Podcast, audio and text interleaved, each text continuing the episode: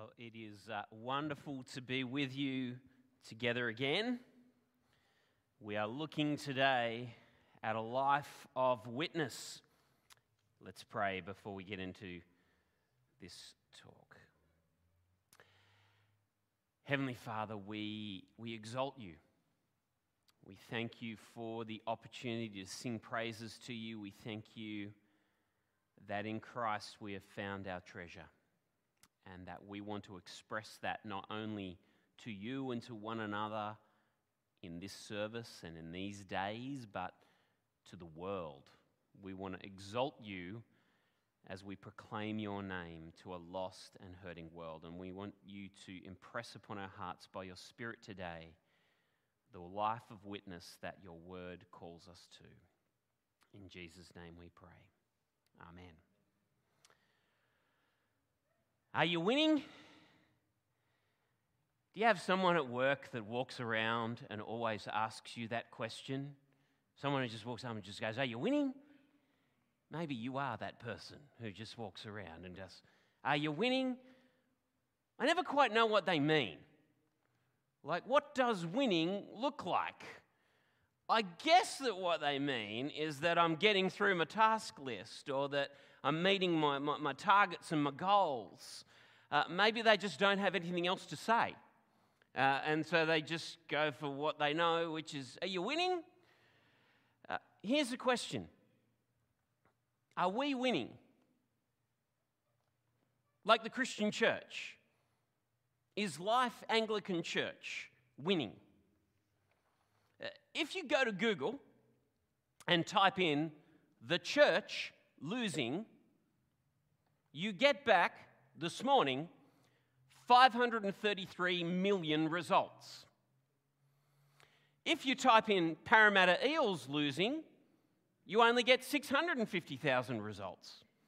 And that's weird because Parramatta loses all the time, except not on Friday. And I was there. Lots of people think the church is losing losing numbers, losing power, losing influence, losing young people, losing old people. About the only thing that Christians and non Christians seem to agree on these days is that the church is losing.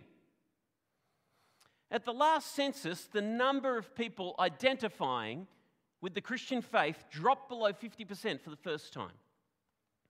It's now the case that 44% of Australians identify with Christianity, and 39% of Australians identify with no religion at all.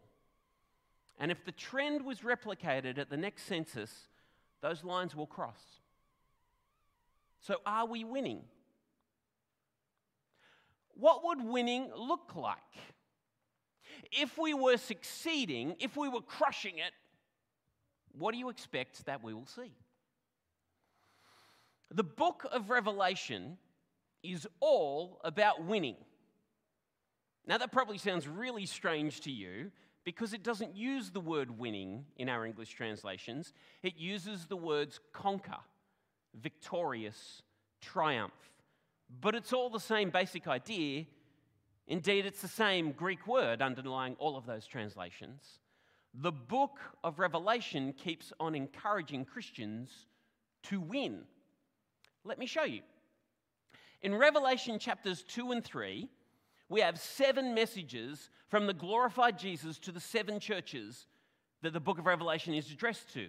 And in those messages, Jesus gives an evaluation of each church Ephesus, Thyatira, Smyrna, Pergamum, so on and so forth. But every one of those messages finishes with an encouragement to win. Listen. Whoever has ears, let them hear what the Spirit says to the churches to the one who is victorious. I will give the right to eat from the tree of life, which is in the paradise of God. Whoever has ears, let them hear what the Spirit says to the churches. The one who is victorious will not be hurt at all by the second death. Again and again, Revelation 2:17 to the one who is victorious. Revelation 2:26 to the one who is victorious. And again in 3:5, 3:12, 3:21. Jesus wants his church to win. He wants them to conquer. He wants them to be victorious. But win at what? Uh huh. There's the problem. Because when Christians hear we're going to conquer and overcome, let's be honest, we don't always imagine the same thing. If I just strut around the stage today and say, Jesus wants you to win, you could interpret that any way you want. And most people do. To understand what victory looks like in the book of Revelation, you have to keep reading the whole book because the language keeps recurring at key points. The rest of the book defines what conquering, what triumph, what victory looks like. And the ultimate definition of victory actually comes in Revelation chapter 5. Revelation chapter 5 is a picture of Jesus and the victory he won. Uh, straight after those seven messages in chapters 2 and 3, we have chapter 4, which we looked at last week, in the heavenly throne room surrounded by worshipful creatures. But in chapter 5, John remains in the throne room, but his eyes are drawn to a different character. The way it happens is that there's a scroll in the right hand of the one who sits upon the throne, and that scroll needs to be opened in order for God's salvation plans to be put into effect. And the whole court of heaven asks the question who is worthy to open the scroll? Who is worthy, the one who can bring salvation? Who is the one who can bring the kingdom of God? And then this wonderful scene unfolds. At first, John hears an answer. Just pause on that. At first, he doesn't see anything. At first, he hears an answer, and this is what he hears verse 5 of chapter 5. Then one of the elders said to me, Do not weep. See, the lion of the tribe of Judah, the root of David, has triumphed. He is able to open the scroll and its seven seals. Did you hear the victory word? See, the lion of the tribe of Judah has triumphed. That's a winning word. In Greek, it's the same word as what was talked about earlier about being victorious in the seven messages. The lion of the tribe of Judah has triumphed. Now, if you heard that in your ears and you turn to look, what are you expecting to see? You're expecting to see Aslan. You're expecting to see Simba. You're expecting to see some sort of lean, mean fighting machine. And what he sees is a lamb bearing the marks of slaughter. He hears about a victorious lion and he sees a slaughtered lamb. And the point is that both are true. These are two descriptions of the same person. Jesus is the lion and Jesus is the lamb. In fact, it's more than that. Jesus conquers by being a sacrifice. He's a lamb like lion or a lion like lamb. But either way, he's both. So, how does Jesus triumph over death? How does Jesus break the penalty and power of sin? How does Jesus bring the kingdom of God? He brings the kingdom by giving his life away in service to others. He didn't win by a crushing display of power. He took all that privilege and power and offered himself as a substitute for our sins. And that's how victory comes in the scriptures, and that's how victory comes in Revelation conquering through sacrificial love. Jesus gives the pattern for how victory is achieved. And the way he wins, the way he wins is not only meant to be applauded, it's meant to be imitated. Which is why every single human character who is commended in the book of Revelation experiences some measure of suffering. In Revelation chapters 2 and 3, not all of the churches are experiencing suffering. This is a total myth about the book of Revelation. People will say to you, it's written to a church that are all being persecuted. That's just only half true. Some churches are suffering. Smyrna, Pergamum, places like that, it's very clear that they are suffering, but some churches are not suffering at all. I defy anyone to read the messages of Jesus to the church in Sardis and to the church in Laodicea and to find there a church which is suffering. Because in Revelation 3:17, Jesus says to the church in Laodicea, "You think you are rich and wealthy and in need of nothing." Does that sound like a church that's suffering to you? Not really. But here's the problem. If the Roman Empire was filled with idolatry, then any faithful church should be experiencing some hostility. If you have to compromise your faith in order to get ahead in a culture, then suffering actually becomes an index as to whether or not you're being faithful. Laodicea's problem isn't that they're suffering, Laodicea's problem is that they're not suffering at all.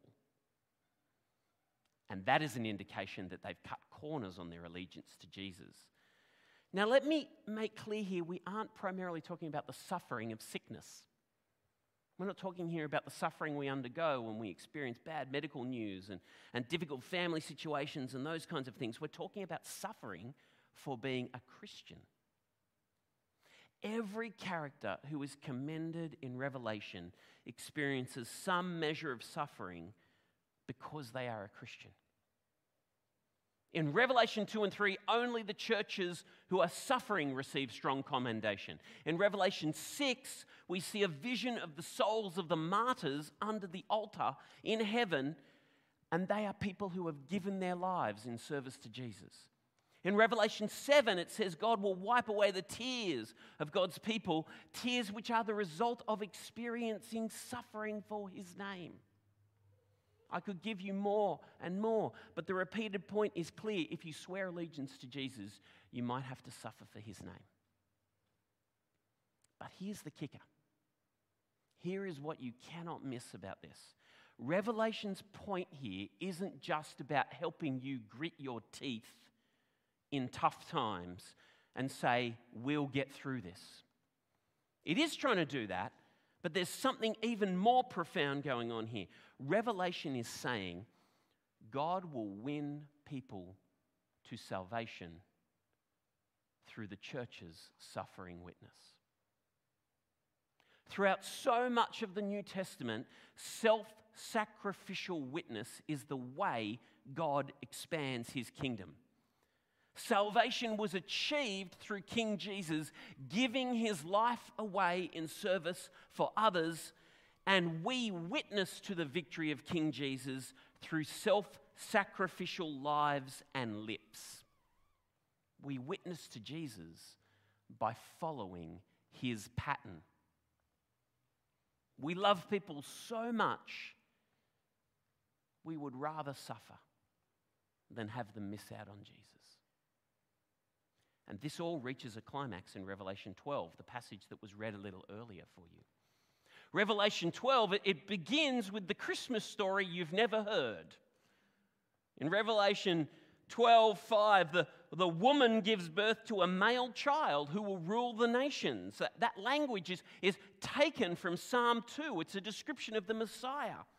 This is an apocalyptic vision of a past event, the birth of King Jesus.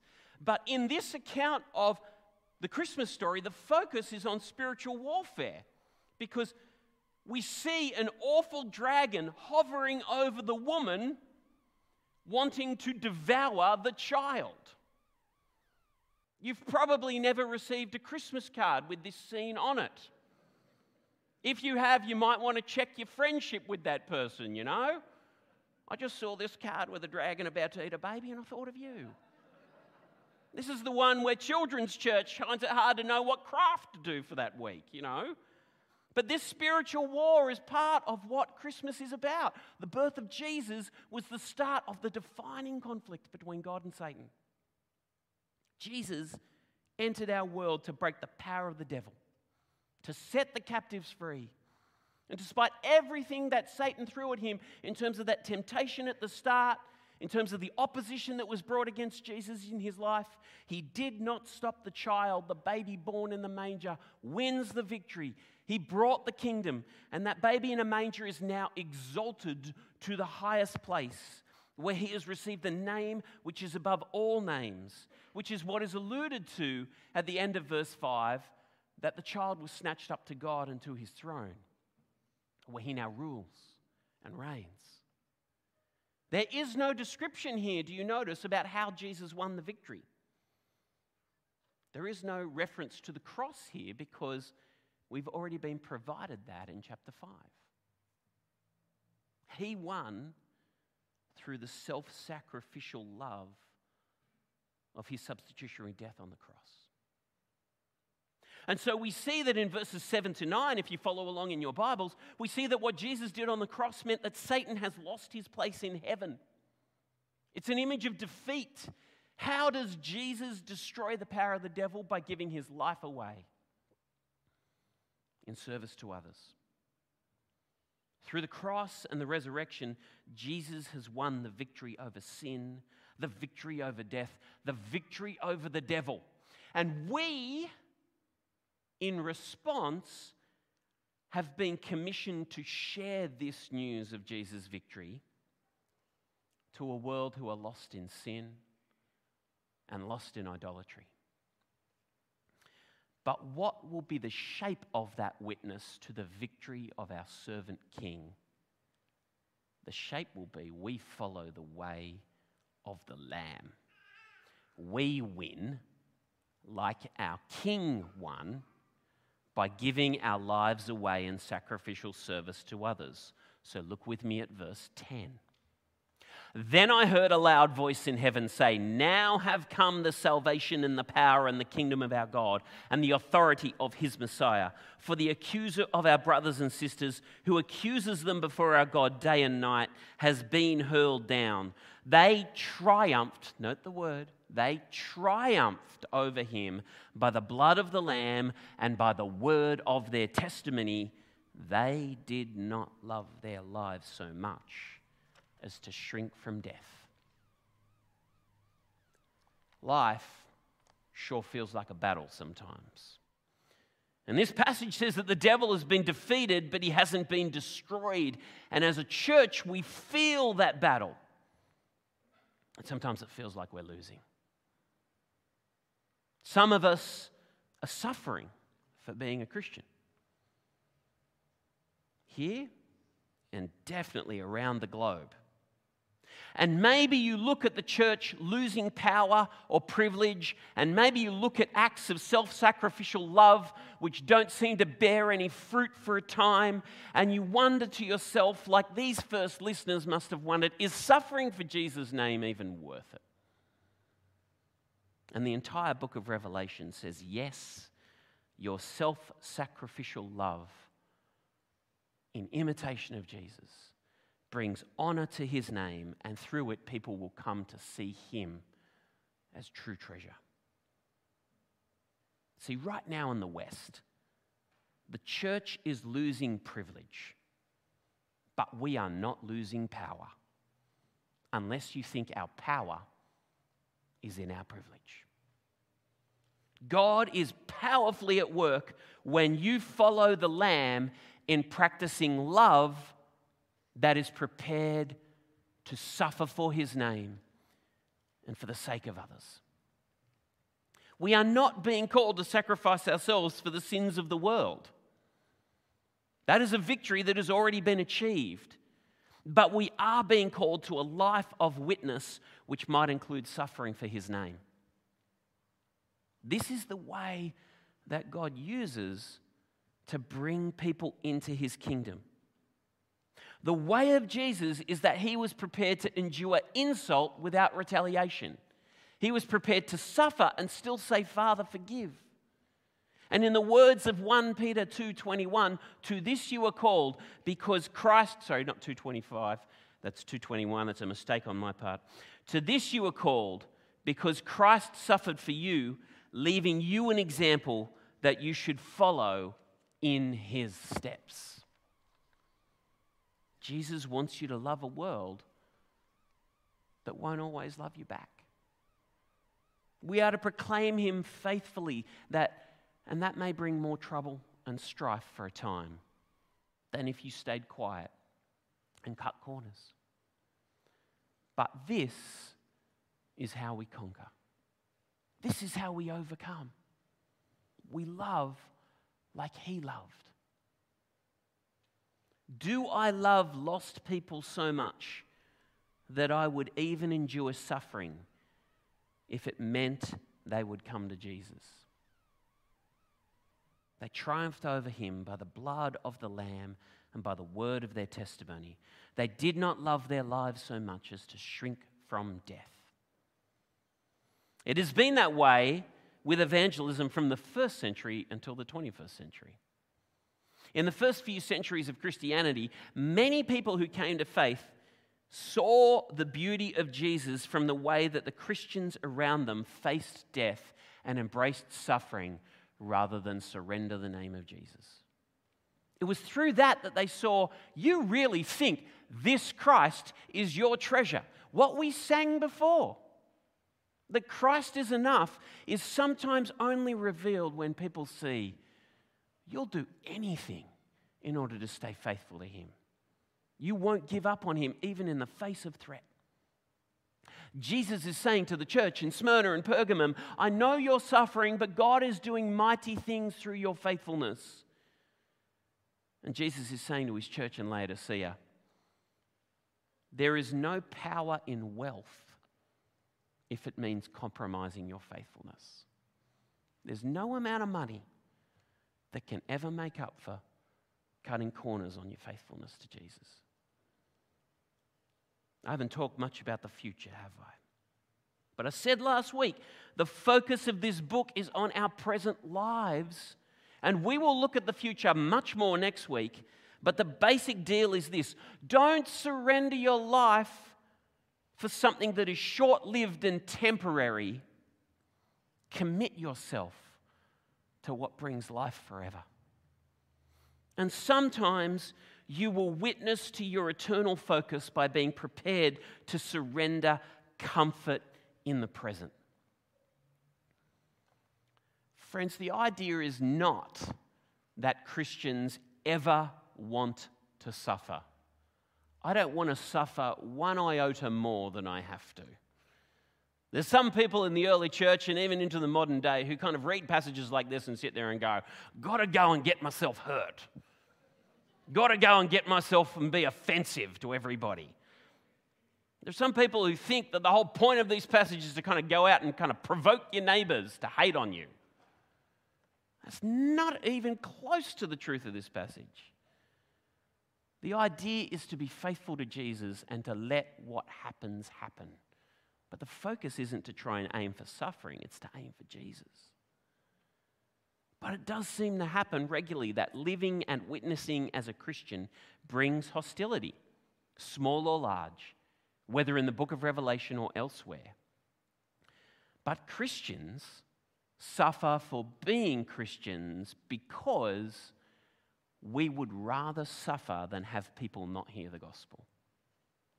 And we would rather suffer than give up on God and his promises. Are we winning? If we are worshipping our victorious King, and if we are following his pattern of sacrificial love, you are victorious and you will overcome. And even better than that, God is going to use your faithfulness to bring many others to repentance and faith we don't look at statistics or newspaper articles to imagine if we are successful. We look to Jesus, the author and perfecter of our faith. Let's pray. Father God, we pray that our eyes would be filled with a vision of your Son who is the treasure of our hearts, but is also the model for our lives. We want to be like your Son. And we know that by your Spirit, you are conforming us to his image. And we ask that you would continue to deepen that and that you would enable us to speak of Jesus in a way that shows our love for a lost and hurting world. And whatever that means, in order that the world might know your love, we ask that you would form in us faithfulness to Jesus as we witness to his name. And it's in his name we pray. Amen.